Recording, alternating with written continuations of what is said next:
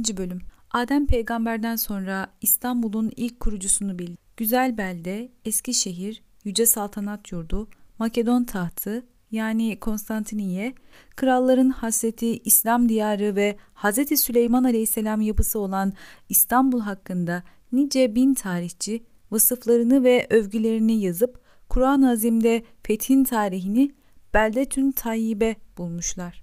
Elif, Lam, Mim. Rumlar mağlup oldu yakın bir yerde.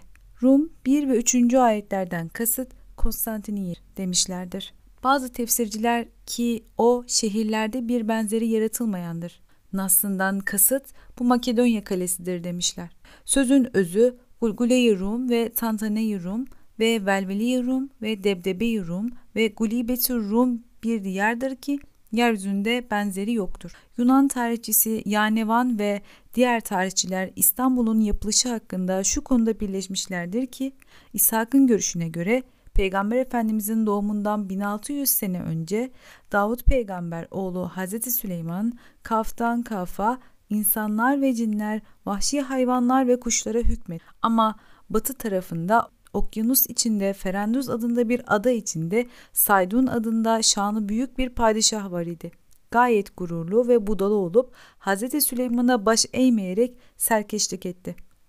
Ondan Hz. Süleyman yer götürmez büyük bir ordu ile ve her türlü canlı ile Saydun padişahın üzerine varıp bütün yerini yurdunu harap, halkını esir edip sonunda Kral Saydun'u avlayarak yakalayıp Süleyman otağı önünde ateş saçan kılıç ile katledip namsız ve nişansız etti. Ama bu öldürülen Saydun Meliki'nin felekte benzeri yok bir peri yüzlü, melek görünüşlü, parlak yıldız, bakire, taze bir kızı var idi. Hazreti Süleyman o kızı ganimet malından alıp onun nikahları altına aldılar. O sırada Hazreti Süleyman bekar idi ki Yemen diyarında Seba şehri padişahının kızı Belkıs Havva Bursa nahiyelerinden Edincik adlı yerde vefat etmiş ve Süleyman peygamber bekar kalmıştı.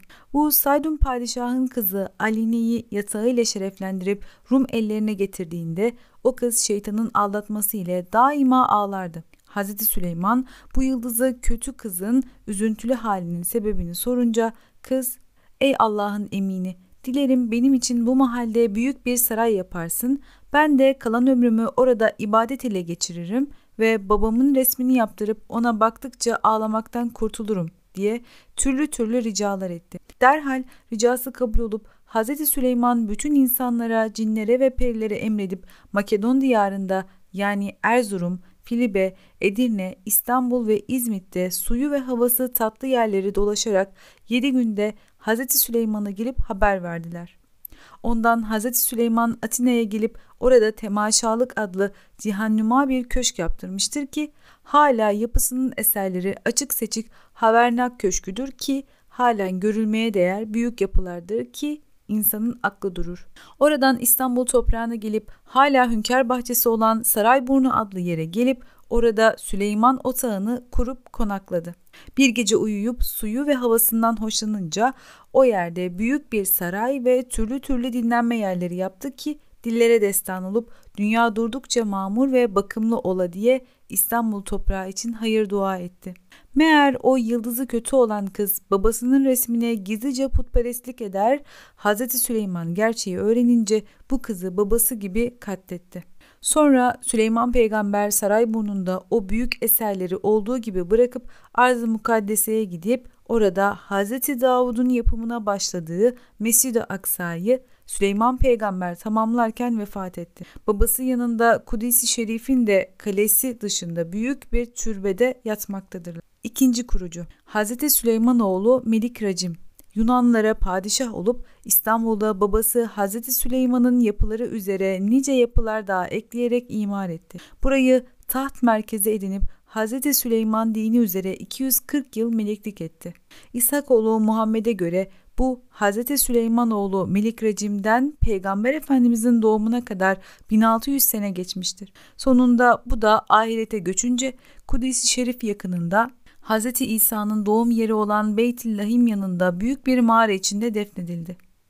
Üçüncü kurucu Madyanoğlu Yanka oldu ki Adem Safi'nin yeryüzüne inişinden sonra 4600 yılında padişah olup İstanbul'u kurdu. Bunun krallığı Büyük İskender'in doğumundan 430 sene öncedir. Büyük İskender'den Hazreti Risalet'in doğumuna kadar 882 senedir.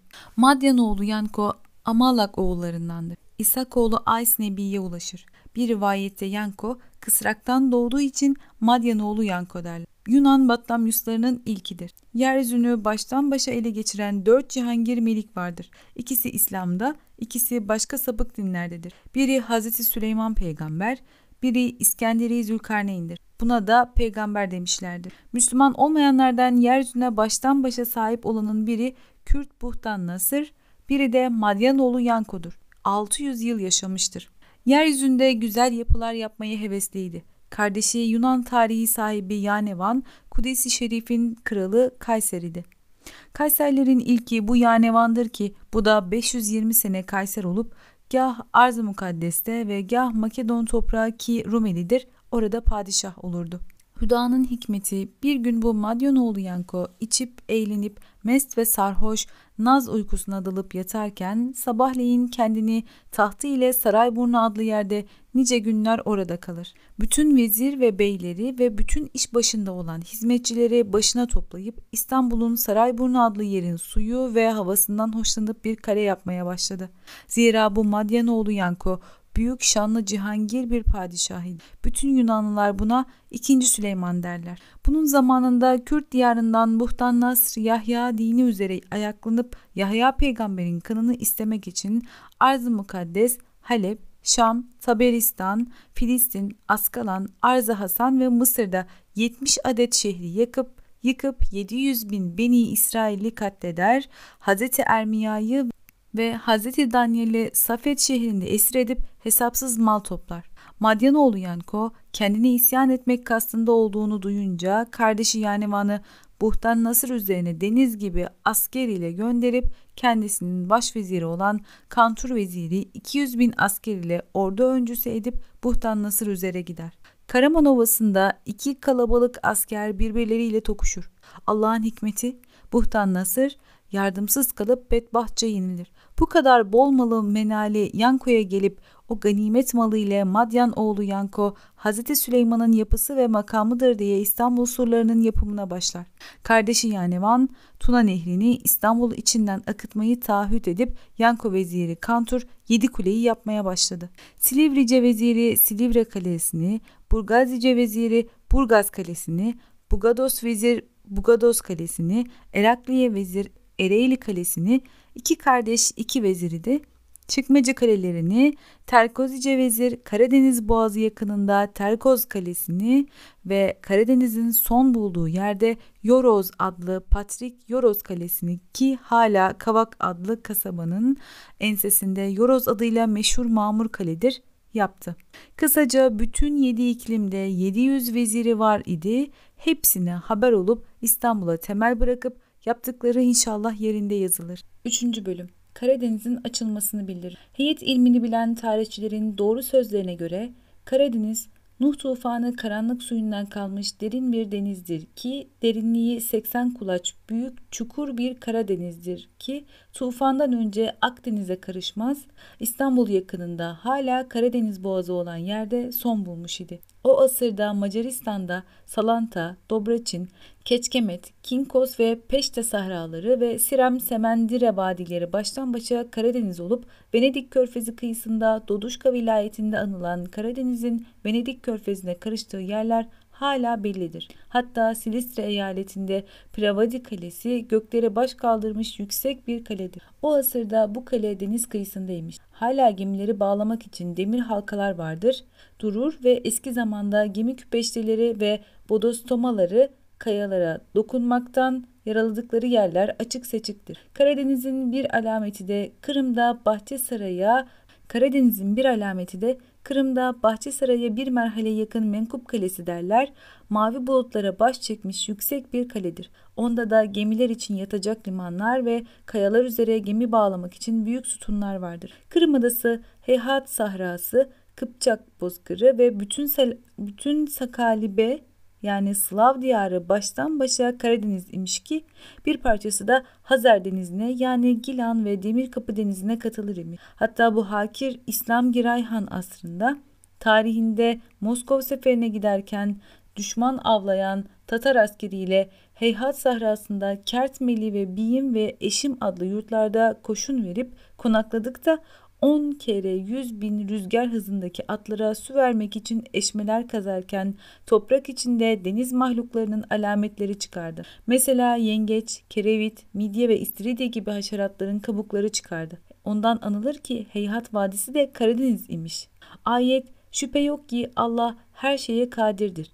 Bakara 20 daha sonra mülklerin maliki Allah yeryüzünü bir surete de komak için İskenderi Zülkarneyn'i yarattı. Zira Allah bir şeyin olmasını murad ettiğinde onun sebeplerini hazırlar mazmunu üzere Adem'in yeryüzüne inişinden 5075 sene sonra yeryüzünde Büyük İskender Cihangir kral olup bütün krallar kendine itaat ettiler. Ama Yunanlılardan Makedonya ve İzmirne sahibi Kaydefa İskender'e baş eğmeyip koyu düşman oldu. İskender bu Kaydefa mülküne bir şekilde sahip olamadı. Sonunda İskender kılık değiştirerek seyahat ile Kaydefa'nın ülkesine ayak bastı. Kaydefa ananın divanına katılıp tarzını, tavrını, düşünce ve görüşlerini, hareketini incelerken Allah'ın hikmeti Kaydefa askeri İskender'i tanıyıp bağlayarak Kaydefa'nın huzuruna getirdi. Kaydefa daha önce İskender'in resmini yaptırmış idi. O resimle İskender'i karşılaştırınca bildiler ki İskender'dir. Kaydefa aman vermeyip İskender'i hapsetti.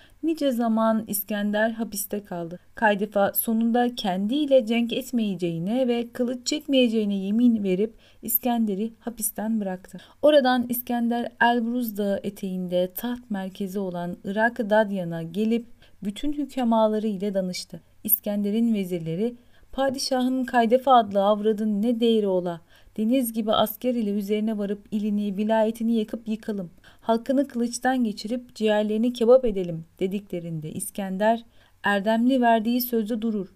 Kaydefa beni hapisten bıraktığında üzerine asker ve kılıç çekmemek üzere söz verdim. Buna bir çare bulun ki Kaydefa'dan intikam alam. Dedik de hemen Hazreti Hızır baş kaldırıp Ey İskender eğer Kaydefa'dan intikam alam dersen Cengü Cidal ve Harbi Gıtel'de olmaya hemen Karadeniz'i Makedonya şehri yakınından kesip Akdeniz'e akıt. Kaydefa'nın bütün memleketi suya gömülür. Sen de intikam alırsın ve verdiğin sözde de durmuş olursun deyince İskender'in bütün bilgeleri Barekallah Rabbin ilhamı ile doğru ve güzel görüş ola dediler. Bütün eski bilginler ve mühendisler Karadeniz ile Akdeniz'in yüksekliğini alıp Karadeniz'i yüksek bulup 700 bin dağ delici ve işçiler toplayıp Karadeniz'in kesilmesine başlandı. Hz. Hızır kazı gözcüsüydü. Zira Hz. Hızır İskenderi Zülkarneyn'in askerinden idi. Peygamberliğinde görüş ayrılığı vardır ama peygamber diyenler çoktur. İskender ile karanlığa varmış. Aba hayat Hızır'a nasip olduğundan hala hayattadır. Hz. Musa ile arkadaş olduğu Kur'an-ı Azim ile sabittir ki işte dedi bu benimle senin ayrılışımızdır.